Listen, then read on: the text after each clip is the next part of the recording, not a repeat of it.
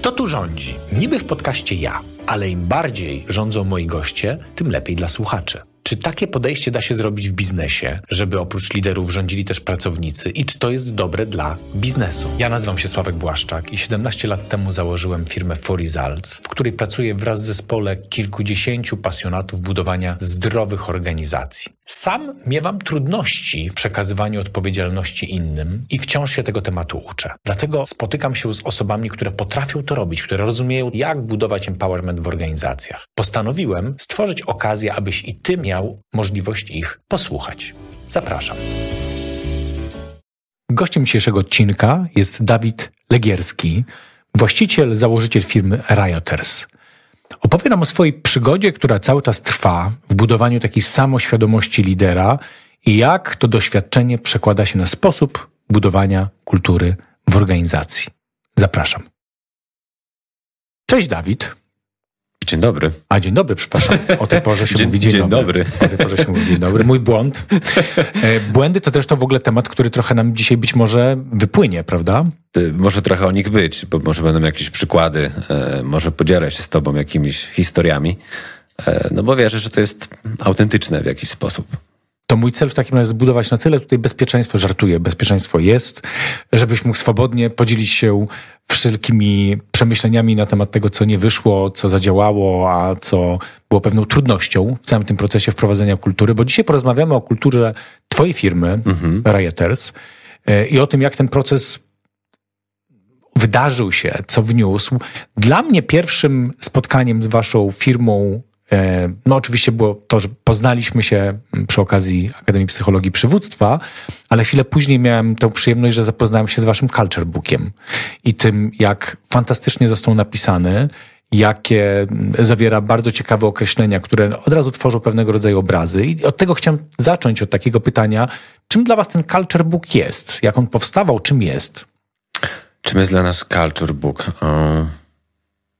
Myślę, że to jest taka nasza podstawa staraliśmy się jakby opisać, kim jesteśmy, jak żyjemy, co lubimy, czego nie lubimy, czego nie doceniamy, co doceniamy. E, I to jest taki, to jest taki dokument, bo to funkcjonuje w formie takiego dokumentu, który miał być też taką trochę instrukcją obsługi dla nowych ludzi i dla aktualnych, żebyśmy sobie życie ułatwili po prostu.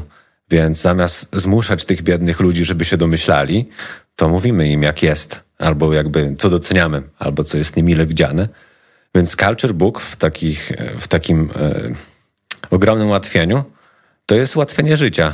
Mhm. I dla naszych ludzi, którzy pracują, i dla ludzi, którzy starają się zarządzać tym, tym wszystkim firmom Rioters. Mhm. To z Twojego doświadczenia co tam jest takiego zawarte w nim, co najbardziej wam pomaga, co tam najbardziej żyje, co najwięcej daje tym nowym osobom, które dołączają do organizacji, bo rozumiem, że do tego też służy, że jak ktoś przychodzi, to może najpierw się zapoznać, do kogo, e, do jakich ludzi, z jakim myśleniem przychodzi do jakiej organizacji, prawda? Co to najwięcej wnosi? My tam dotykamy wielu wątków, bo tam jest, to też jest połączone z takimi rzeczami, może nawet trochę strategicznymi, bo w Culture Booku mówimy o naszej misji, wizji, w takim małym stopniu, mhm. ale to jest taka wiedza w pigułce. Czyli ty przychodzisz do firmy i wiesz, wiesz mniej więcej, co to za ludzie, jak oni myślą, co, co, o, o co tam chodzi. Um, co jest najważniejsze? No, chciałbym powiedzieć, że wartości. Mhm. Ale tam jest jeszcze parę innych rzeczy, które z mojej perspektywy są, są ważne. Na przykład to, jakie postawy doceniamy, albo jakie mamy jakieś eventy w firmie, czyli albo że feedback jest dla nas ważny i jest karmiący i, i na zasadzie nie gniewaj się człowieku, jak powiemy ci, że coś jest nie tak, ale robimy to po to, żeby lepiej nam się żyło, a nie żeby ciebie zranić. Mhm. Więc każda część tego culture booka jest, jest ważna. Tak samo jak wstęp, gdzie mówimy trochę o, o historii. Moim zdaniem też jest ważny, no bo to trochę mówi, jakby jak my wyrośliśmy i, i, i zaczynaliśmy jako firma na poddaszu, gdzie pod nami był, yy, był facet, który jakieś tam banery robił yy, i tak mhm. dalej i było słychać, jak, jak mu się coś nie udawało. I to były takie nasze warunki. Komentował swoje porażki w dosyć wulgarny sposób, ale był mega y, przyjacielskim facetem, y, dwumetrowym komendo, komandosem, więc mm -hmm. y, ciężko było się z nim sprzeciwiać. ale to były nasze warunki pracy na, na, na dzień dobry, na początek. E, I ja lubię o tym mówić, bo to też pokazuje, jaki progres zrobiliśmy jako, jako organizacja. Teraz jesteśmy na strychu, także wiesz, podwaliny. No właśnie, powiedz dwa słowa więcej o waszej firmie, tak żebyśmy słuchając e, twoich opowiadań mogli jakoś umiejscowić was. Jesteście firmą IT. Czym się zajmujecie przede wszystkim? Wyrośliśmy z projektowania graficznego mhm. i to jest dalej taki nasz rdzeń naszej, naszej działalności, to co robimy. Kiedyś to się nazywało web design, teraz bardziej się mówi o tym product design, UI design.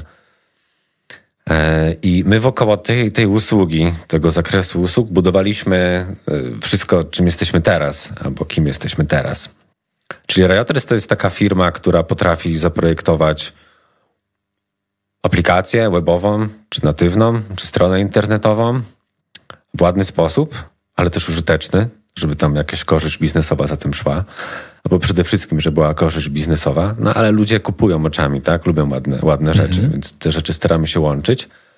A jakieś 2-3 lata temu dołączyliśmy do tego e, development, że oprócz tego, że my to zrobimy użytecznie, że to się podoba, to jeszcze to mhm. wdrożymy. Mhm. Więc to jesteśmy my. E, nie pracujemy z klientami z Polski, raczej nie chcemy. E, I widzimy się w Stanach Zjednoczonych. Mm, a czemu nie pracujecie z klientami z Polski? Bo mam przykre wspomnienia. Już z Rioters czy z poprzednich? Ja, jakby mój background też jest projektowy. Ja, mhm. ja dużo rzeczy w życiu zaprojektowałem i przez dużo rzeczy e, jakoś udało mi się przebrnąć. E, i, I oczywiście, jak, jak, te, jak zaczynają to te pierwsze, pierwsze rzeczy, pierwsze projekty, to były klienci z Polski. I mam takie wspomnienie, że zazwyczaj to było bardzo dużo pracy i bardzo nieadekwatne wynagrodzenie w stosunku mm -hmm. do tego, co tam się mm -hmm. dzieje. I, no i ci nasi, to, ja, to jest takie ogólne bardzo, tak, to, to, to się nie dzieje teraz i zdarzało nam się pracować z ludźmi z naszego pięknego kraju, który kocham, um, ale tu się wszyscy na wszystkim znają. To, jest, to było takie moje wspomnienie sprzed wielu, wielu lat. Ja jako projektant jakby nie, nie, nie mogłem być tym ekspertem, tylko byłem czymś narzędziem. Mhm. Za oceanem, mimo wszystko, jestem trochę bardziej projektantem, czy jesteśmy bardziej mhm. projektantami, ekspertami niż narzędziami. Oczywiście tu i tu się to zdarza, e, ale tam przynajmniej płacą ci za to cztery razy więcej. Mhm. w tej twojej wypowiedzi jest y, już taki, myślę, czytelny nurt, że zależało ci na tym, żeby zadecydować o tym, w jakim środowisku chcesz pracować, żeby to było takie klarowne, żeby to było wygodne dla ciebie. Mam wrażenie, że tak, gdzieś twoja wartość chyba stała się szerzej wartością, czy była w ogóle wartością dla osób, które tworzą Rayo Teres, bo mówisz, że chciałbyś powiedzieć, że wartości są ważną częścią tego culture booka. Tak. Wśród nich chyba pierwsza nazywa się Freedom. Tak. Jak byś to teraz tak skomentował? Czy co to oznacza z perspektywy osób, które zapraszacie do tego, żeby pracowały w Rioters? Jaki to jest rodzaj zaproszenia? Co znaczy to freedom? W tym culture booku też chodzi o to, że my pozostawiamy przestrzeń do, do interpretacji. Mm -hmm. Czyli na przykład możesz rozumieć to samo na swój sposób, bo to nie jest taka instrukcja. Przede wszystkim to nie ma być taka instrukcja, jakby rób to w taki określony sposób, e, to będzie nam się dobrze żyło. Tylko mm -hmm. my mhm. nadajemy jakieś ramy temu. Mm -hmm. Ale w tym wszystkim jest ten czynnik Twojej wolności, interpretacji i to jest dla nas szczególnie ważne. Czyli jak mówimy o freedom, dla mnie czymś innym będzie freedom i dla kogoś innego będzie freedom. Na przykład dla projektanta freedom to jest to, że ma dowolność narzędzia, jakiego użyję. Okay. Czyli ja mogę zaprojektować to w takim oprogramowaniu, albo użyć takiej typografii, albo zrobić to na takiej siatce w swój określony sposób, tak? Nie muszę się pytać. Eee, ale to nie oznacza, że ja to zrobię, nie wiem, tydzień po terminie, bo to jest freedom. Nie? To, mm -hmm. Także ym, to mogą być takie małe rzeczy, tak? Gdzie ja, gdzie ja nie muszę się pytać. Ja po prostu podejmuję decyzję i działam. A to mogą być też e, duże rzeczy. Freedom to na przykład może być yy, ok, jakby jest coś totalnie nowego na rynku. Jest jakieś nowe narzędzie, nowe podejście, nowy proces – i możemy o tym porozmawiać i to wdrożyć. Nie, nie musimy się jakby trzymać kurczowo jakichś rzeczy. Dla mnie freedom to też jest eksperymentowanie, szukanie, mm -hmm. poszukiwanie, e, sukcesy i porażki. Więcej jest raczej porażek niż sukcesów w tym wszystkim, ale najważniejsze, czy wyciągniemy jakieś wnioski z tego, a nie czy powiemy, a porażka, okej, okay, e, było, nie pamiętamy, robimy dalej to samo. -hmm. Czyli wiele organizacji dąży do tego, żeby pewne rzeczy ustandaryzować, wystandaryzować, żeby to było jasne, przewidywalne, klarowne. My też to robimy. Okej. Okay. Ale nie tak bardzo. Staramy się nie tak bardzo. Mhm. Szukamy tego balansu cały czas.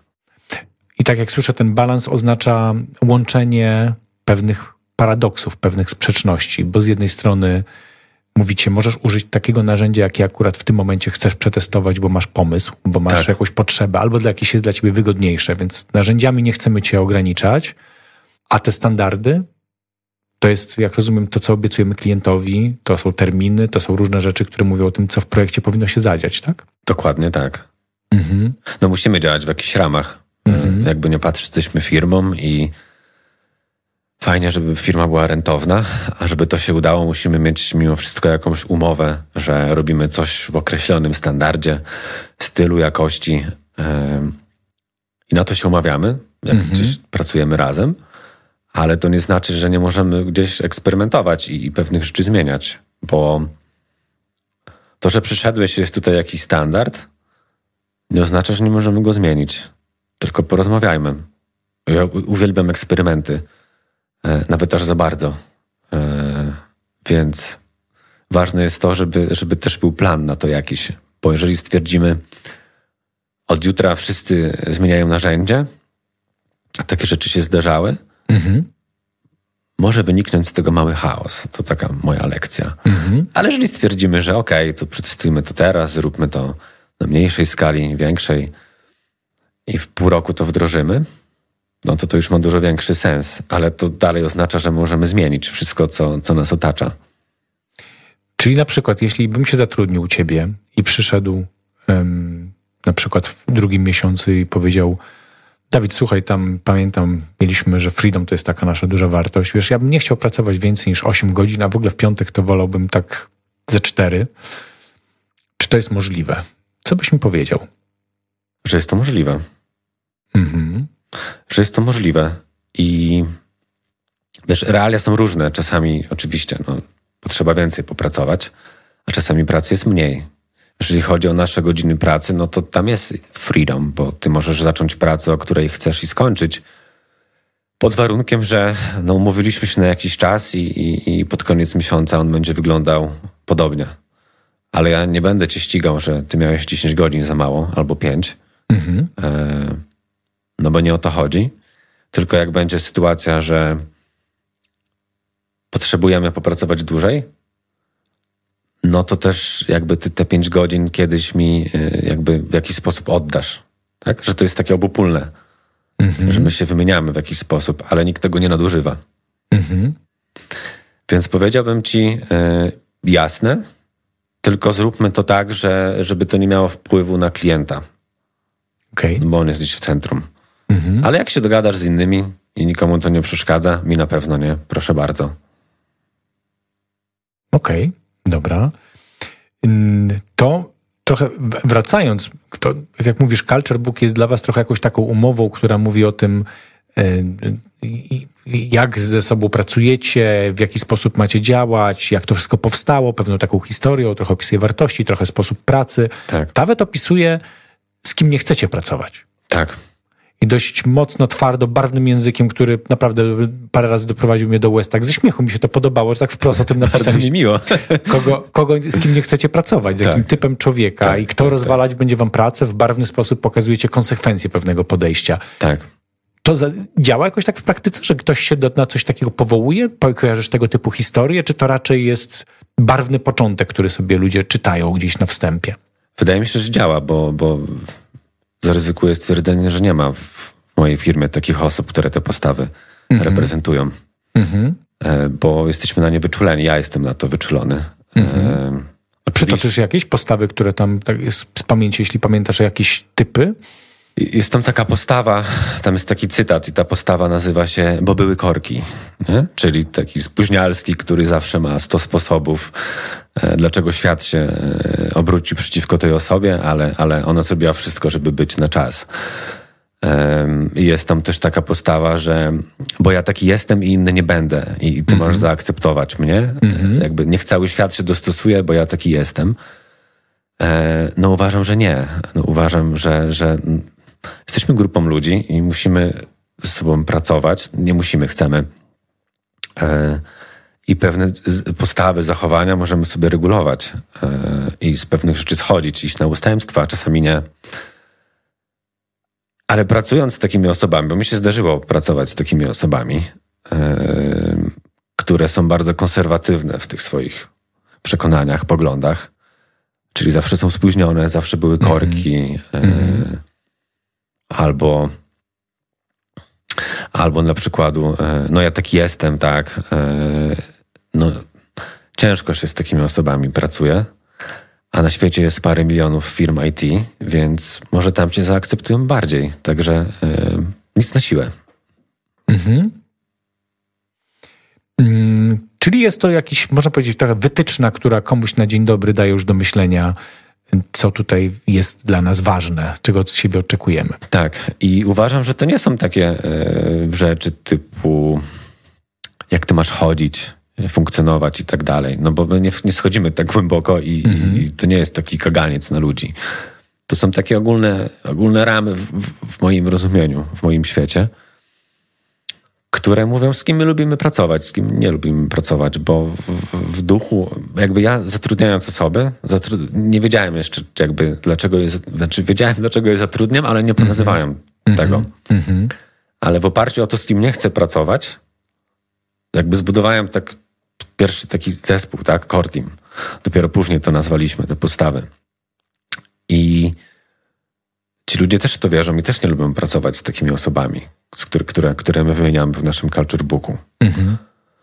E, więc no, siłą rzeczy e, jest tak, że, my, że, że, że nie pracujemy z tymi osobami, inni też nie chcą z nimi pracować, bo, bo to jest gdzieś zeszyte w nas. Może inaczej. Myślimy o tym bardzo podobnie. Mhm. Mhm. No dobrze, to weszliśmy mocno w Culture Book, ale wiem, że on nie jest jakąś tam kluczową figurą w, w ogóle w pracy z waszą kulturą. On to zbiera pewne myśli, zbiera pewne podejścia, ale tak naprawdę kujecie tą kulturę w codziennej pracy, w codziennym działaniu. Jak to się w ogóle zaczęło, że zaczęliście świadomie, że ty zacząłeś świadomie no, stawiać tak mocno na temat kultury organizacyjnej takiej kultury, którą my trochę tutaj nazywamy w naszych podcastach kulturą odpowiedzialności, kulturą, w której no ludzie są odpowiedzialni, nawet te przykłady mhm. osób wskazują na to, że jakby no nie, nie chcemy pracować z osobami, które uciekają od odpowiedzialności, tak, tak, tak, tak które tak, na przykład lubią wchodzić w postawę ofiary i wszystko Też. zwalać wokół siebie, dlaczego im coś nie wyszło, nie? Jakby stawiacie na to, żeby brać tą odpowiedzialność na siebie. Jak to się zaczęło? Jak to się zaczęło, że zaczęliśmy y, budować firmę wokół kultury, tak? To jest, tak. To jest twoje pytanie. Tak. Zaczęło się tak, że ja szukałem odpowiedzi. Jak, jak sprawić, żeby ta organizacja była sprawna, żebyśmy jakby czerpali radość z pracy, ale żeby to nie był chaos. Mhm. Mój background jest projektowy, więc ja byłem w stanie zrobić, stworzyć dobry projekt, ale jakby, żeby, żeby zbudować firmę, kulturę i jakby budować firmę wokoło tych rzeczy, potrzebowałem wsparcia. Powiedziałem, że to mhm. jest mój ogromny deficyt. Więc zacząłem szukać pomocy, wsparcia wśród ekspertów, ludzi i tak dalej. E, I historia tego jest taka, że poznałem jedną konsultantkę ze Szczecina. Mhm. Mieliśmy dwa, trzy spotkania i stwierdziliśmy, że chyba sobie nie pomagamy. Ale ona mnie jakby e, skontaktowała z inną osobą. I tam też się pospotykaliśmy. I było fajnie, ale to też nie było to. Ale jakby z każdych z tych spotkań wyciągałem jakąś wartość. To nie jest tak, że, że, że te spotkania były mi niepotrzebne mhm. i tym osobom. I ta osoba skontaktowała mnie z kolejną osobą. No, to, już w latach idziemy, czy to się wszystko w jednym idziemy miesiącu raczej, Idziemy raczej w miesiące. Miesiąc, dobra, w miesiące. dobra, dobra. E, później ktoś polecił, ktoś mnie, z kimś jeszcze się skontaktowałem. Wydaje mi się, że takich kontaktów było cztery albo pięć. Mhm. Po takim sznurku to szło. I trafiłem na y, Przemka z Krzeka. Przemek, z tego miejsca cię bardzo pozdrawiam. e, i, i, Przemo, e, ja mu opowiedziałem, tak, kim jesteśmy, z czym się zmagamy, czego potrzebujemy, gdzie potrzebujemy wsparcia. I, i, i trafiłem na osobę, której potrzebowałem Potrafiłem na osobę, która ma te umiejętności, ale też prowadziła, prowadzi różne firmy, przedsiębiorstwa. Czyli to nie jest teoretyk.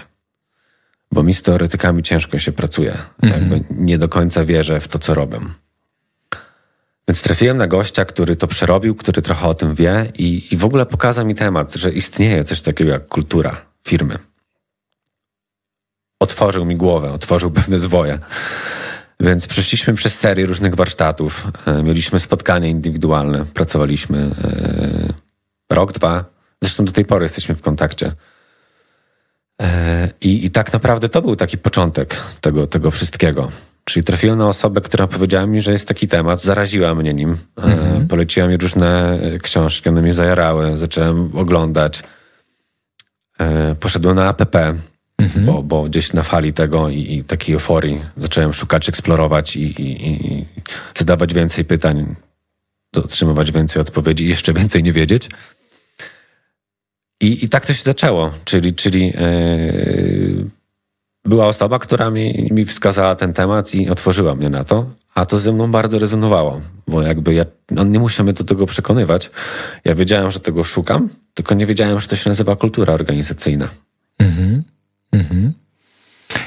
Mm, I jak rozumiem, mówisz, że to był taki etap poszukiwań, on tak brzmi jak, e, jak po prostu szukanie dużej ilości informacji, no ale zakładam, że to był też taki proces, w którym już się w firmie twojej zaczęło to przekładać na jakieś zmiany, na zmianę twojego podejścia, na jakieś kształtowanie też twojej roli jako lidera w związku z tym, mhm. jakie miałeś takie pierwsze ruchy, które jako lider wykonywałeś które świadomie kształtowały tą kulturę? Oprócz warsztatów, które tam gdzieś już wymieniłeś. To ja może taki osobisty wątek trochę tutaj podepnę, ale mm, taki pierwszy ruch jako lider, który wykonałem i który jakby często wiązałem z tym, dlaczego moja firma potrafiła wzrastać, y, to było to, że poszedłem na terapię. Mhm. I, I, tam dużo rzeczy musiałem jakby sobie wyjaśnić i, i ulepić na nowo. E, ale to mnie trochę zdeformowało w takim dobrym znaczeniu jako, jako człowieka i, i otworzyło oczy i, i, pokazało wiele wątków i, i, też jakby wskazało taką drogę, e, jak, jak się komunikować z ludźmi, jak brzmi to, co ja mówię. E, więc uważam, że to był taki pierwszy krok, który, który bardzo mi pomógł i polecam ten krok każdemu. To bardzo jest ciekawe, co mówisz, bo ja miałem podobną historię, myślę, że z 8-9 lat temu, że czułem, że moje cechy, moje. Jeszcze nie umiałem tego dobrze wszystkiego nazwać, ale że moje takie nawyki, sposób myślenia nie idą w parze z misją, którą chcę wprowadzić. Tak. Nie idą w parze z rodzajem organizacji, którą chcę zbudować i że sam jestem wrogiem dla siebie w niektórych sytuacjach i jestem głównym tutaj no, takim rebeliantem negatywnym w tym w jakimś znaczeniu, tak, prawda? Tak, tak, tak. I, I, to była moja um, taka in, intencja, żeby pójść na terapię po to, żeby zobaczyć, co tam we mnie siedzi, dlaczego ja potrzebuję kontroli na przykład, mm -hmm. nie? dlaczego ja potrzebuję wiedzieć w niektórych sytuacjach, dlaczego ja potrzebuję wywrzeć wpływ na coś, um, co potem powoduje, że jakieś tam zaangażowanie, poczucie, że ludzie czują, że to jest bardziej ich, gdzieś było zabijane. U ciebie podobna była motywacja? Jak to wyglądało? Myślę, że tak jakby jak sobie teraz wracam pamięcią i, i staram sobie przypomnieć pewne rzeczy, to y, myślę, że największym źródłem problemów niektórych byłem ja. Mhm. Jakby moje zrozumiania, y, zachowania, których nie rozumiałem, albo których nie byłem świadomy, bo mhm. dla mnie coś mogło wydawać się normalne, ale inni tego tak nie odbierali. Ja się dowiedziałem po latach, że ludzie się mnie w firmie bardzo bali jakby przez taki chłód, który reprezentuje i, i, jak ja brzmię i ja tego nie widziałem w ogóle. Dla, dla mnie to jakby, ja tak, wiesz, ja się tak zachowuję, a taki jestem i nikt mi też nie przyszedł, nie powiedział, stary, no to trochę nie brzmi. Ja jakby nie, to ja nie jestem tym typem, który drze przysłowiową mordę na ludzi, ale jakby okazało się, że nie musiałem tego robić, żeby ludzie czuli do mnie pewien respekt dystans ale, ale aż strach. Za duży, aż za duży, bo mm -hmm. to nie, mhm. budowało, nie, nie budowało żadnego bezpieczeństwa. Mm -hmm. I jeżeli nie buduje to bezpieczeństwa, no to y, jakby moją pierwszą myślą było, to czemu nie przyszliście mi o tym powiedzieć?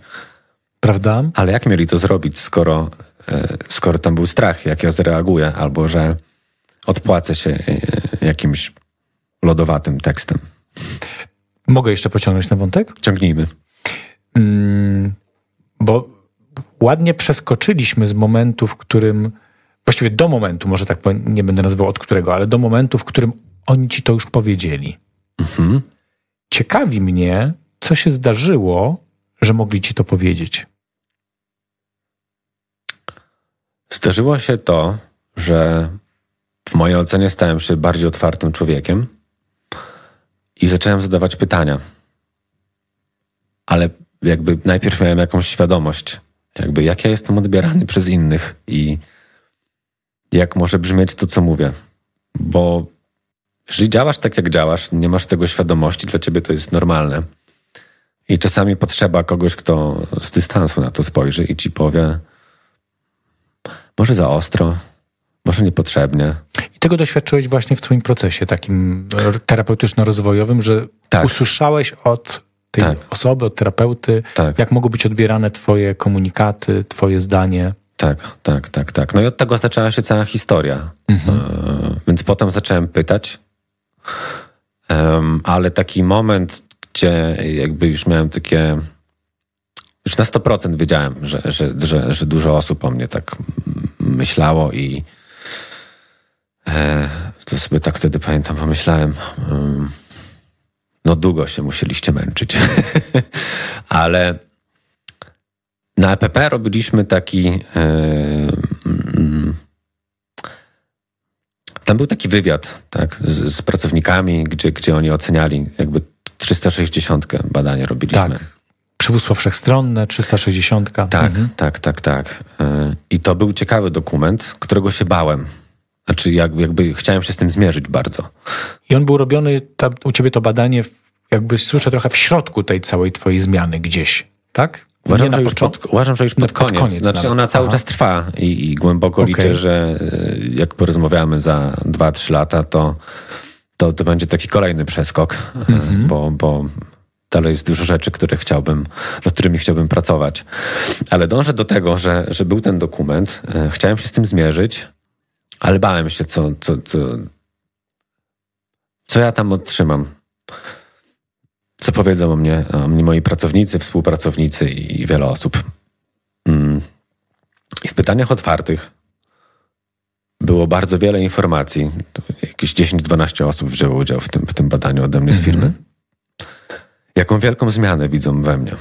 E, że już nie jestem tym gościem, który stara się siać taki cichy terror, tylko raczej widzę mnie jako tego, który jest otwarty e, dużo bardziej, który e, słucha, stara się, który zaczął przejawiać w końcu jakąś empatię.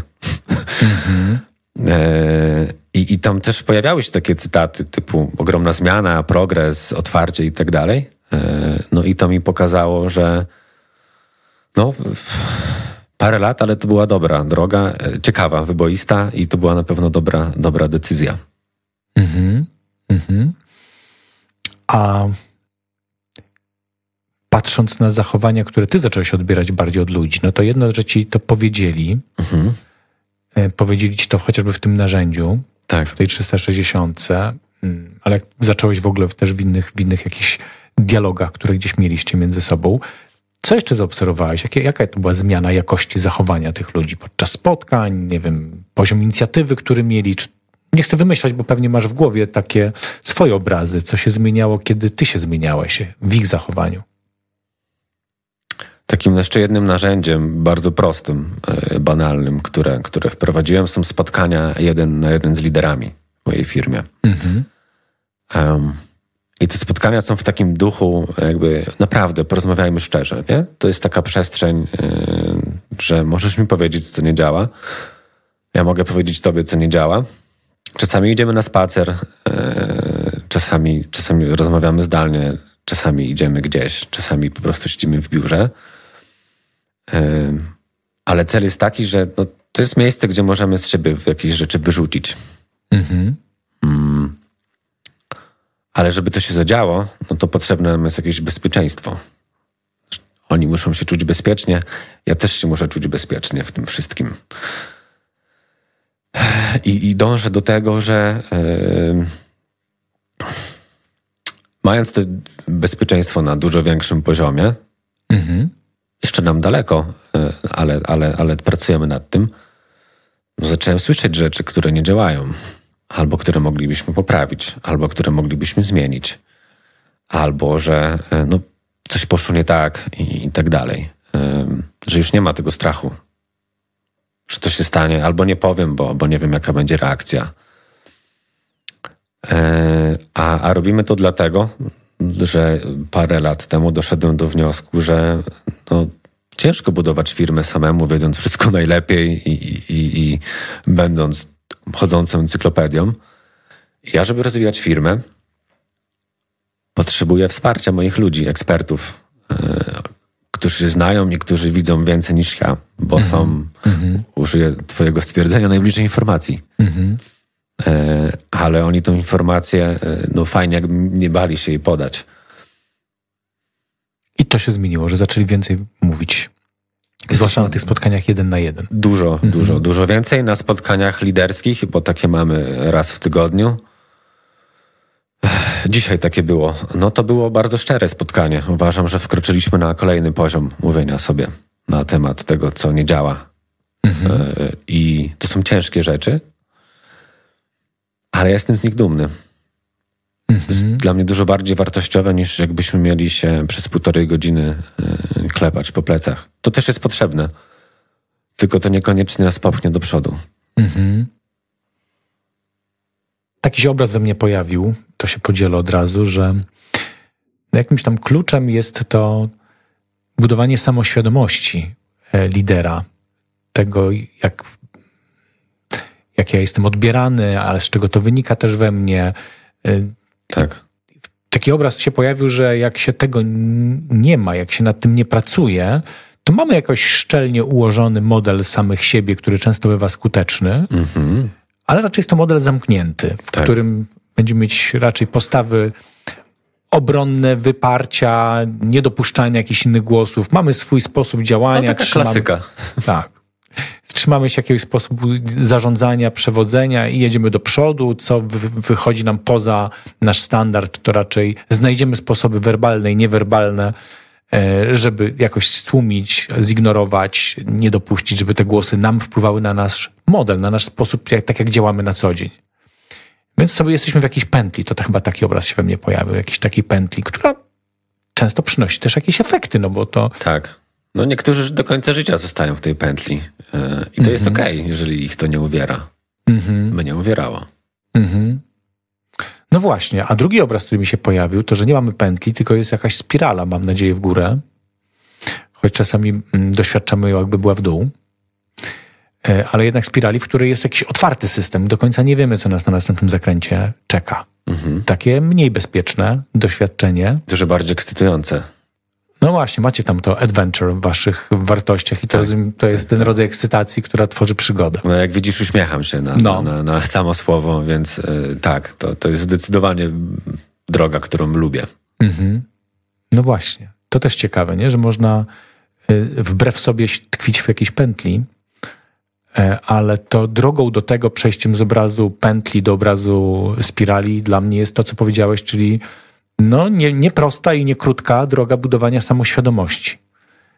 Co się ze mną dzieje, jak jestem odbierany, jakie są tego konsekwencje i rozszerzenie wachlarza różnych możliwości, reakcji na skutek tego, że słyszę więcej od ludzi, jest jakiś feedback, nie? No, droga, która jak się wejdzie i się ją kontynuuje, to na całe życie można mieć zajęcie.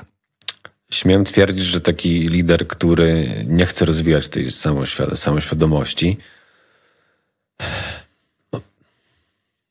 są sprawni liderzy, którzy, którzy mają mały poziom samoświadomości. Mhm. Ludzie z czerwonych organizacji, którzy po prostu wyciskają z ludzi e, wszystko, co się da i, i ich zmieniają. I co więcej wtedy, tak wejdę ci na chwilę w słowo, tam rozszerzenie tej samoświadomości jest niebezpieczne. Bo może spowodować, że zaczniesz mieć skrupuły, wahania, Możesz się zastanawiać, czy tak, czy inaczej. Sumienie się pojawi. Jakieś sumienie może się pojawić, więc jakby lepiej jest nie dopuszczać do zmiany systemu, bo on zachwieje skuteczność.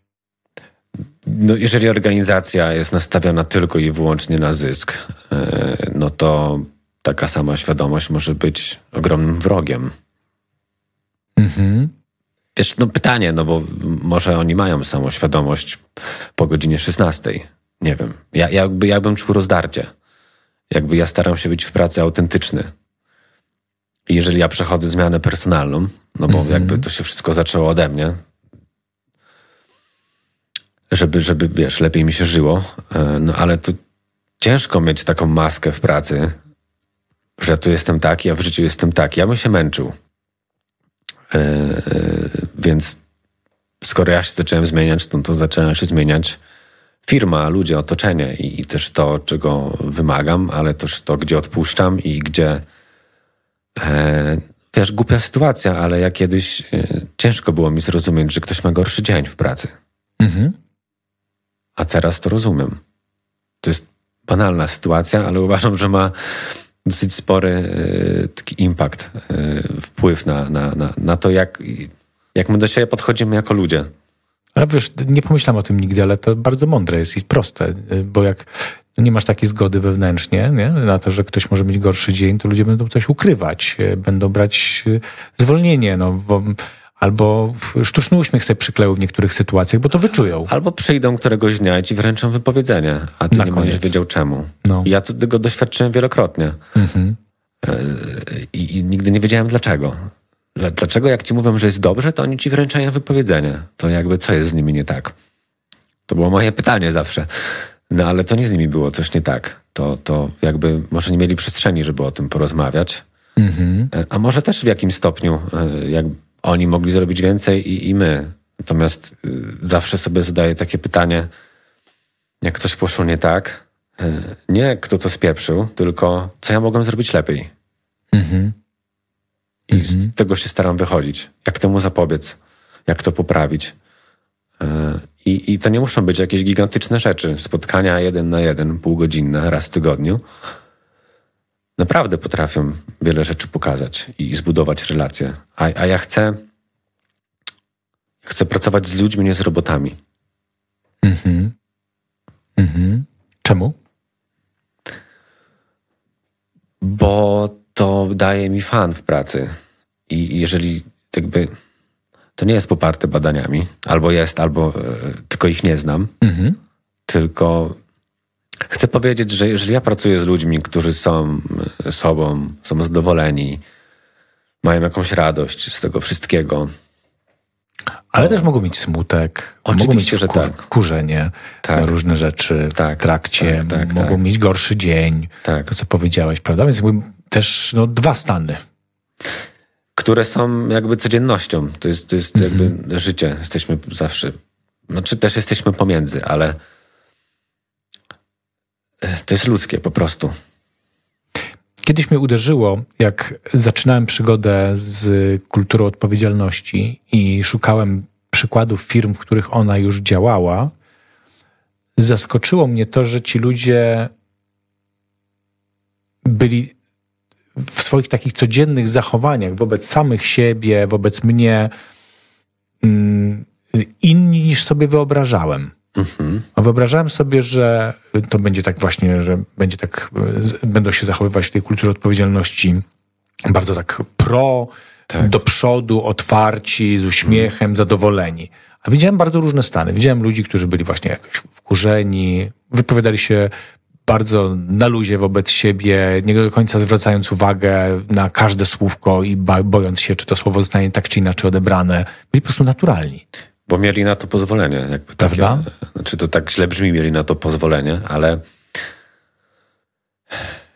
ale to wiesz, mnie uderzyło, tak, że, tak, że byli tak, tak. naturalni. To znaczy nie było tam żadnego napinki, żadnego udawania. W postawie ciała był luz po prostu. Nikt nie siedział na sztywno. Ktoś sobie trzymał nogę na czymś, na czym normalnie mm. w korporacji by nie trzymał. Tak. Normalnej korporacji, tak? Tak, tak, tak. Więc to, ta, taki luz mnie uderzył. Nie wiem, czy masz taką podobną obserwację, że właśnie coś takiego się zaczyna wkradać, jak zaczynamy świadomie budować taką kulturę freedom, bezpieczeństwa.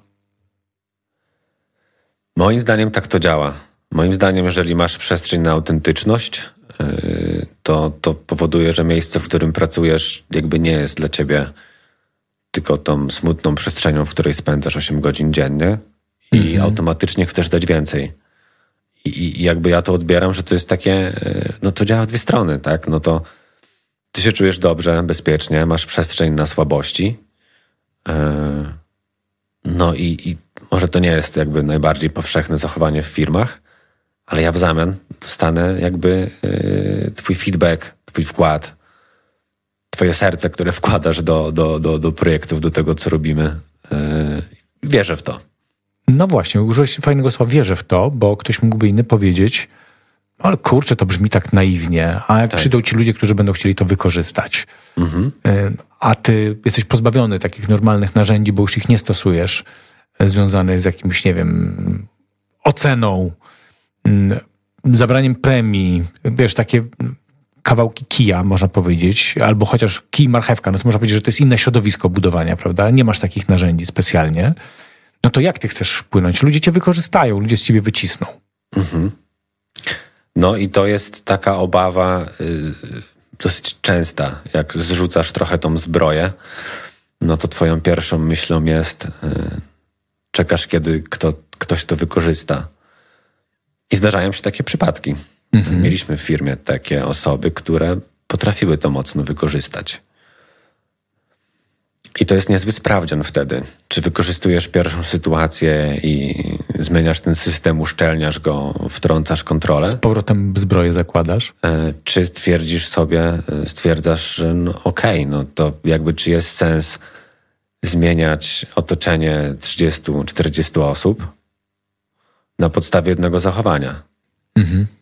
Czy pięciu zachowań nawet, ale pozostałych 100 jest, wiesz, ponad normę. E, bo jakby to chyba taka natura ludzka jest, że zawsze będą coś e, niektórzy próbować wykorzystać, zmienić, jakby wziąć więcej dla siebie. Tak. Eee, tak bywa. No cóż, trzeba się z tym pogodzić. A jakie mam narzędzia? No wiesz, jakby mam jedno. No, żegnamy się z taką osobą. Mhm, mhm, mhm. Mm, tak, i też jak o tym mówisz, to znowu miałem taką myśl, że no właśnie, jak się pojawia 5 do 100, to pewnie nie warto tego zmieniać. Gorzej było, gdyby było 50 do 50. Prawda? Ale jak to jest 5 do 100, to w porządku. I tu mi się przypomniał taki przykład Google'a, którym jest zdumiał w dawnych, dawnych czasach, kiedy oni tak odstawali tym, mhm. taką ilością rzeczy, którą dawali pracownikowi w takiej wolności siłownie, wiesz, te wszystkie historie, jedzenie tam w kuchni na maksa wyposażone. Wiesz, dzisiaj to już można powiedzieć, że nie dziwi nas tak bardzo, tak. zwłaszcza w epoce tak. pokowidowej, tak. ale, ale w tamtych czasach, jakieś tam, nie wiem, 15 lat temu, pamiętam, że byłem zdumiony tym. Mhm. I oni mi wtedy powiedzieli, słuchaj, bo u nas jest taka święta zasada, mamy dwie świętości, o jednej powiem teraz. Jedno to jest bezpieczeństwo, chodzi głównie o bezpieczeństwo danych, a druga świętość to jest rekrutacja. Mhm.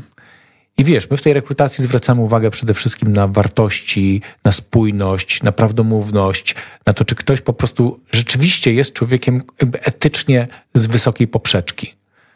Bo jak mu stworzymy takie środowisko i on jest etycznie wątpliwy, to będzie mieć tych zachowań, które tu mówisz, pięć, dużo więcej, nie? Tak. Kluczem była ta rekrutacja. No, Mo, może coś w tym jest, tak sobie myślę. Ten początek cały, jakich ludzi, ten znowu powrót do Culture Booka, wartości, które tam opisujemy, weryfikacja tego, z kim chcemy, z kim nie chcemy pracować. Co myślisz? Z Twojego doświadczenia. Zwracacie na to uwagę w rekrutacji bardzo? Tak. Jednakże. Mm-hmm. Jeszcze wrócę do tematu Google'a. To trochę no. im się chyba zmieniło teraz, bo Możliwe. ostatnio miałem przyjemność y, rozmowy z byłym menedżerem Google'a w Stanach Zjednoczonych, który tam był 8 lat na, na poziomie C-level. I teraz dużo osób w Google'u e, ma monitorowane komputery hmm. i sztuczna inteligencja analizuje, czy faktycznie robią to, co robią. Hmm. Więc tam te wartości może się trochę zmieniły. Hmm. Oni nawet wtedy pamiętam, że podawali przykłady, że tak jak ktoś się do nich zatrudnia, to w ogóle dają mu takie N z przodu, że jest Google, czyli nowy w Google, new hmm. Google i że weryfikują na przykład, podawali taki przy, przykład, że ktoś y, wypowiedział się w temacie, w którym nie zajrzał do załącznika mhm. i za to wyleciał. Bo jakby stwierdzili, że złamał zasady. Mhm. Powiadał się jakby zaglądał i powoływał się na coś, ale w praktyce system pokazał, że tego nie zrobił, więc stwierdzili, że no nie mogą ufać. No z jakiegoś powodu są jedną z większych firm no. na świecie, więc widocznie to podejście działa. Tak, a z drugiej strony nie jakieś takie zaufanie bezgraniczne, czyli jak jesteś Google, to bierzemy jakąś poprawkę na ten etap, w którym jeszcze weryfikujemy, sprawdzamy. Uważam, że takie bezgraniczne zaufanie jest, y, no, wiesz, ilu osobom w życiu ufasz bezgranicznie? No, mhm. Pewnie jest to dosyć ograniczona pula i pewnie ciężko jest w takich warunkach zawodowych mhm. mieć bezgraniczne zaufanie, ale możesz mieć zaufanie. To też dużo. To też jest duży kapitał. Y, I my staramy się jakby obdarzać ludzi zaufaniem od początku. A jeżeli ktoś to wykorzysta, no to dosyć szybko wiemy, że to, to jakby szkoda tracić czas razem tak. w tym miejscu, w tej relacji i powodzenia gdzieś indziej. Mhm. Poruszyłeś taki wątek, jakim jest jakby sprawdzenie takiej jakby moralności kogoś, czy, czy ta osoba do nas pasuje. To jest ciekawa rzecz. Ciężko to zrobić podczas rozmowy rekrutacyjnej. Yy, ja gdzieś to intuicyjnie zawsze do tego podchodziłem. Mhm. I usłyszałem w tym, w tym swoim badaniu, że jakby yy, mam talent do, do jakby dobierania ludzi, którzy podobnie myślą. Ktoś tak napisał. Yy, I to było bardzo miłe, tylko że ja też mam wiele porażek na tym koncie. I, i zatrudniłem takie osoby w swoim życiu, że Zastanawiam się, czemu ja to zrobiłem? Jak do tego doszło? I co przeoczyłem? I czego nie zrobiłem? Ale często jest tak, że czujesz, gdy z kimś rozmawiasz przez pierwsze pół godziny, czy myślicie podobnie, czy nadajecie na tych falach, albo słyszysz jakieś jeden albo dwa zwroty, które potrafią cię, e, że, że już wiesz, że to jest dobra decyzja, albo to nie jest dobra decyzja. Ja podam taki przykład. Mieliśmy y, rekrutację jakiś czas temu, pół roku, rok temu. Słyszałem takie pytanie od, od potencjalnego pracownika, y, czy my dajemy komputer, bo on nie chce sobie swojego zaśmiecać. I oczywiście, że dajemy, ale już to samo stwierdzenie swojego zaśmiecać, tak postawiło mnie w takim wzbudziło we mnie taką myśl, czy ja chcę pracować z tą osobą, która już od początku jakby tak o tym mówi i, i tak dalej, bo nie podoba mi się ten komunikat. I ja zwracam uwagę na takie małe rzeczy, które słusznie, niesłusznie no, pozwalają mi zbudować jakikolwiek obraz tej osoby i, i, i, i wtedy też wiem, czy, czy prosimy tę osobę, no, zapraszamy na kolejne etapy rekrutacji, e, czy nie. Bo to było w trakcie rekrutacji. To nie osoba, tak, to, która to jeszcze nie pracowała. W trakcie jakby mhm. pierwszej rozmowy, którą, którą mhm. mieliśmy. Mhm. E, jak słyszę, że ktoś e, kocha zwierzęta, to też pozwala mi myśleć już dużo cieplej o tej osobie. Jest mi dużo bliżej do tej osoby. Oczywiście to nie jest jedyny czynnik, który, który jakby decyduje o tym, czy, czy prosimy kogoś o wsparcie, czy nie. Ale chcę przez to powiedzieć, że takie małe sytuacje, wypowiedzi, poglądy pozwalają nam decydować, czy, czy, czy, czy zapraszamy tą osobę na kolejny etap, czy nie. Tam później oczywiście się weryfikujemy technicznie, językowo e, i tak dalej, i tak dalej. Mm. I tu może postawię kropkę. Mhm. Mhm. Kilka rzeczy bym jeszcze jakoś tam pogłębił, ale... Mm, Czy możemy pogłębić, no. E, jeżeli, jeżeli nie, nie, widzisz kropka... wartość? Y- nie, wiesz, to nie jest tak, że ja nie chcę o tym rozmawiać, tylko może są inne rzeczy. Y, taka myśl mi przyszła do głowy, żeby właśnie, mm, żeby, żebym pogłębił, ale jednak przejdę gdzieś dalej y, do takiego wątku, bo tutaj ten neon sobie wisi i mówi, kto tu rządzi. Mi się taka przypomniała historia chyba, o której kiedyś wspominałeś, że że po APP miałeś taki pomysł, żeby zmienić swój sposób zarządzania, żeby tak... Oj tak, tak, dalej go mam. No, ale to powiedz, co, jak, co to wtedy było? Już dokładnie nie pamiętam. I, i chciałbym, żebym się podzielił tą, tą no, historią. może, może. Bardzo chętnie się nią podzielę, e, bo po takim okresie e, samorozwoju, takiego zwiększania e, świadomości swojej, przeczytałem parę książek, które mi dużo mądrzejsi ludzie ode mnie polecili. Poszedłem na studia, gdzie, e, na APP, gdzie, gdzie no, najlepsi specjaliści w Polsce opowiadają, jak zarządzać firmą, niekoniecznie kontrolując wszystko. Byłem w takim okresie, nazwijmy to hiper, hipereuforii, mhm. gdzie po prostu wiedziałem, że okej, okay, to jest ta droga, to się robi tak. Trzeba dać ludziom wolność i dalej będzie wspaniale. No ja tak zrobiłem. Jakby yy, świadomie, nieświadomie. No świadomie, ale, ale gdzieś yy, nie myśląc do końca o konsekwencjach. Yy, głęboko wierzyłem w to, że ludzie sami podejmą najlepsze decyzje. Generalnie, generalnie to komunikat brzmiał tak: róbcie jak chcecie, wiem, że zrobicie dobrze. Mhm. No i tak się działo. I, I, dużo osób jakby wdrażało wizję rebelii. My tak o sobie mówimy, że jesteśmy rebeliantami. Łamiemy zasady, próbujemy robić rzeczy inaczej, eksperymentujemy, -hmm. jakby staramy się podważać różne rzeczy, jeżeli to ma sens. I dużo osób w firmie robiło rebelię, tylko na swój własny sposób. I efekt tego był taki, że ktoś kiedyś do mnie przyszedł i mówi do mnie, stary, jaki to jest chaos. Mm -hmm. I faktycznie wtedy się tak trochę zatrzymałem. Jak chaos w ogóle? Przecież super, działamy, wiesz, jest firma, samo się zarządzamy w ogóle, wolność, możesz robić tutaj co chcesz, tylko wiesz, no, rozmawiajmy. E, ja też tak działam, że czasami jak słyszę takie rzeczy, to moją pierwszą reakcją jest takie zaprzeczenie, ale generalnie większość rzeczy później kiełkuje w mojej głowie przez parę dni i dojrzewa. Mhm. No i okazało się, jak zacząłem o tym myśleć, rozmawiać z ludźmi, zadawać trochę bardziej dokładne pytania, ciągnąć niektórych za język. No, że to jest cud, że my w ogóle byliśmy rentowni jeszcze wtedy. Mm-hmm. działy się różne rzeczy, działy się dziwne rzeczy. Mieliśmy od groma jakichś procesów, mieliśmy od, od które, niekoniecznie, które były dobre, ale dla jednej albo dwóch osób.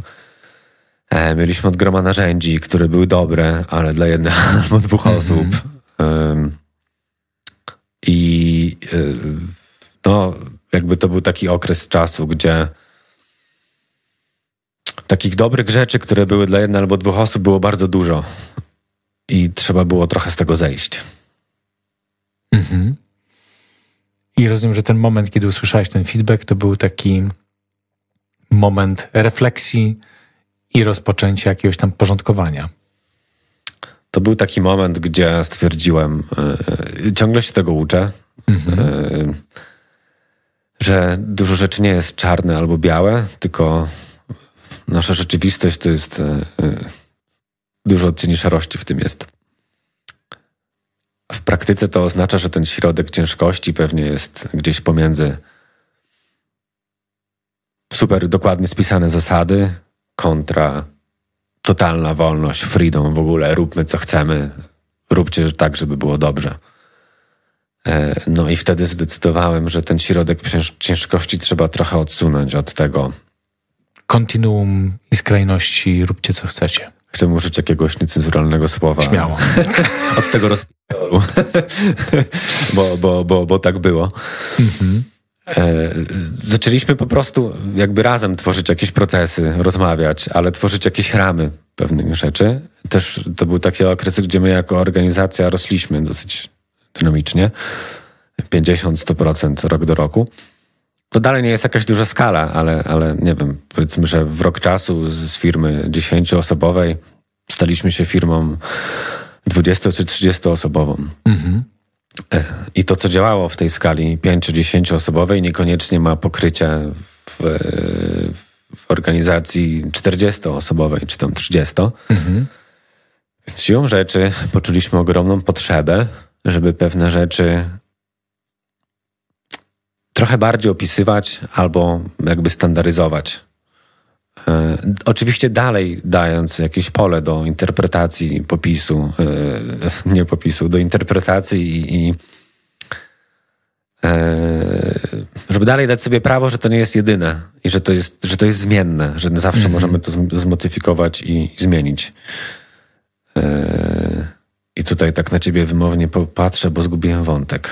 No, mówiłeś o tym, y, jak y, znaleźć ten środek.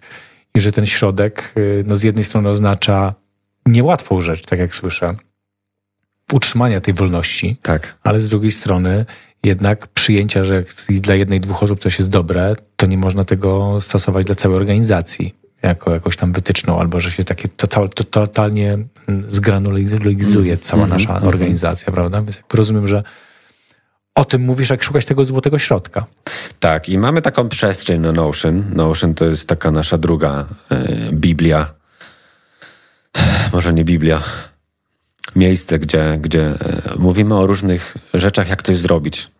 Mhm. Tam na przykład jest opisane, e, są op- opisane dobre praktyki onboardingu. Ale też są opisane praktyki offboardingu, jak ktoś z nami kończy przygodę. Mhm.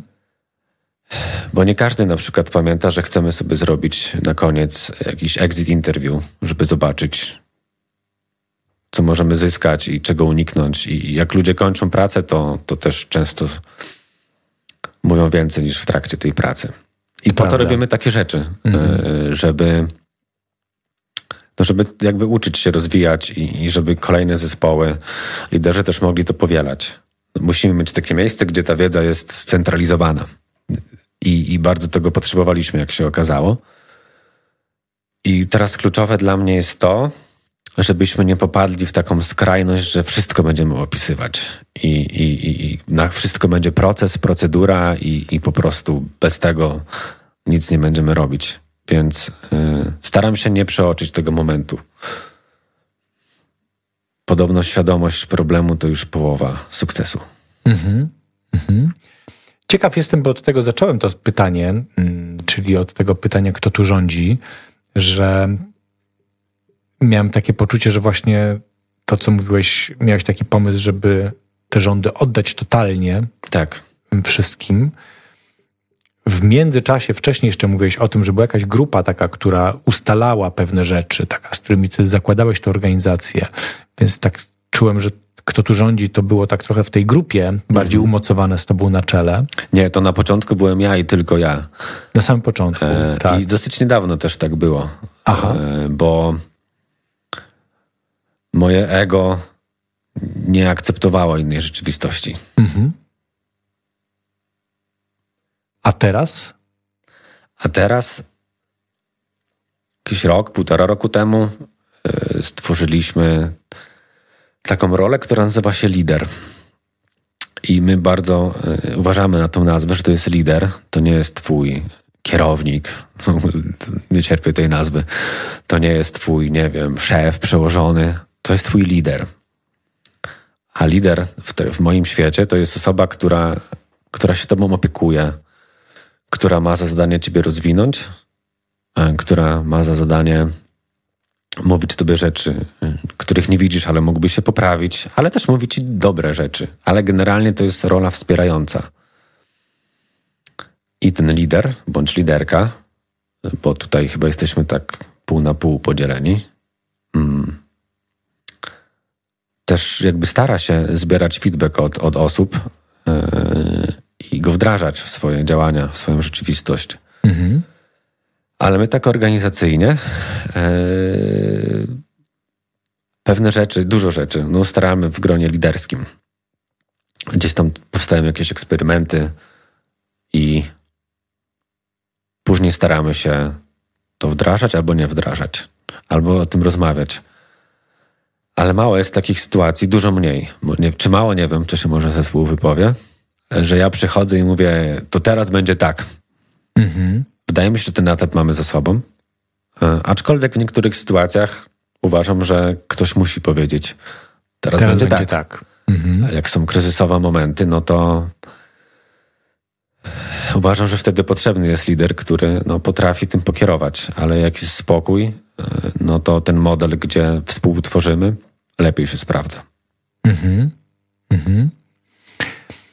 Powołałeś się trochę na to stwierdzenie, mm, że decyzje bliżej informacji, bycie bliżej informacji. Na ile to jest zagnieżdżone, jak tak patrzysz na waszą kulturę, na ile to u was się udaje wprowadzić w tą rolę lider? Przesuwamy ten środek ciężkości i chciałbym ci powiedzieć, że wszędzie to jest, ale tak nie jest. Mhm. To, to byłoby nieprawdą. Więc mi się na razie udało jakimś stopniu doprowadzić do sytuacji, że podejmujemy, podejmujemy rozmawiamy w gronie liderskim.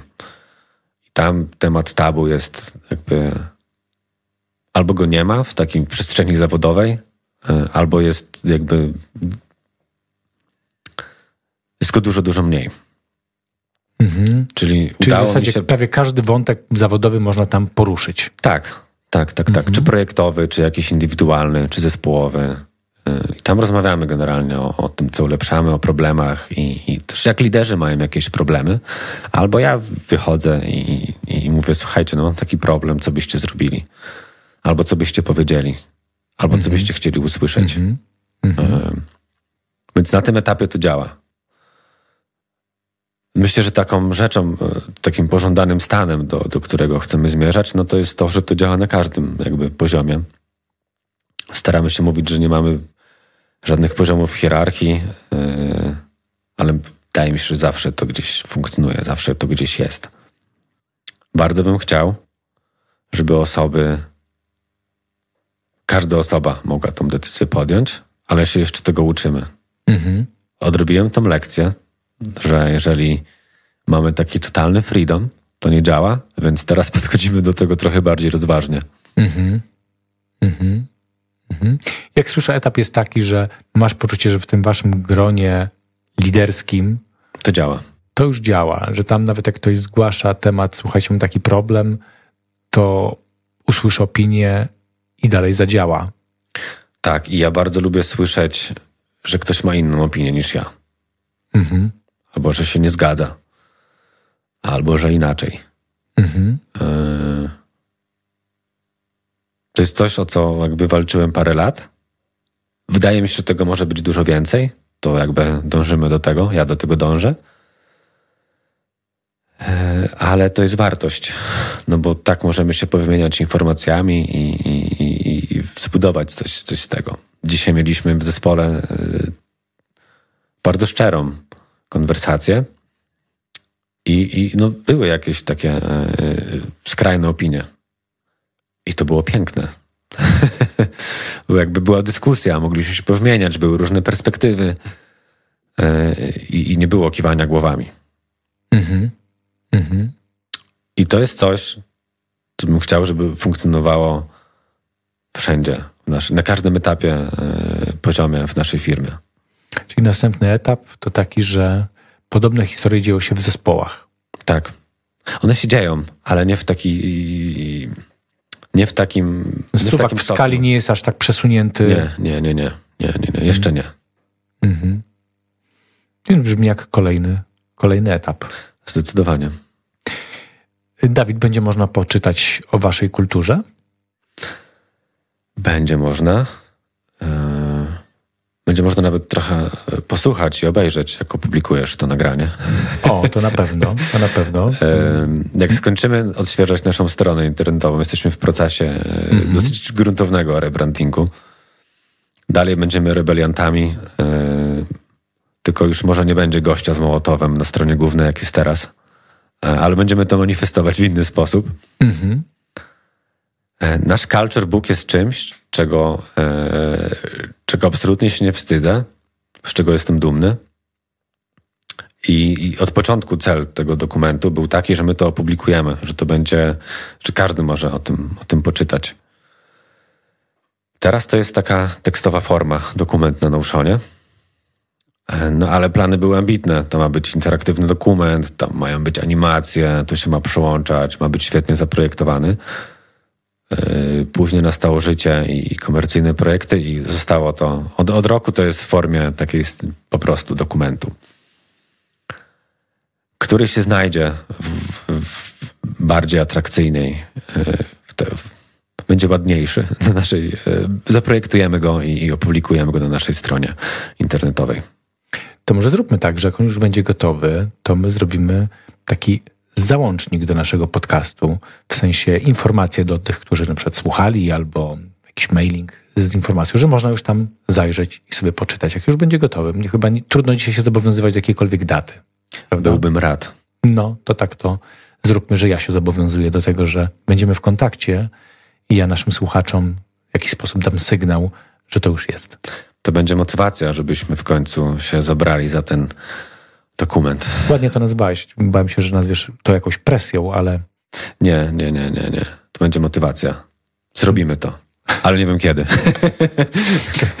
super. Bardzo Ci dziękuję za dzisiejszą rozmowę. Dziękuję również. Chyba, że masz coś jeszcze takiego, co chcie, powstrzymujesz na koniec, a potrzebujesz powiedzieć. Jakąś taką historię, żeby, żeby wszyscy byli zaskoczeni i zawiodę cię. Nie mam. Nie masz. Nie Tak mam. czułem, Ale czułem dziękuję w bardzo. To było przyjemne doświadczenie. Dzięki wielkie, Dawid. Dziękuję. Do zobaczenia Do zobaczenia. wszystkim. Cześć wam. Jeśli chcecie podyskutować o tym odcinku, zasugerować mi, o czym powinien być kolejny, to zapraszam Was do kontaktu mailowego. Mój adres to slawek.blaszczak małpa forresults.pl Czekam na Wasze opinie, komentarze, sugestie. Do usłyszenia w kolejnym odcinku.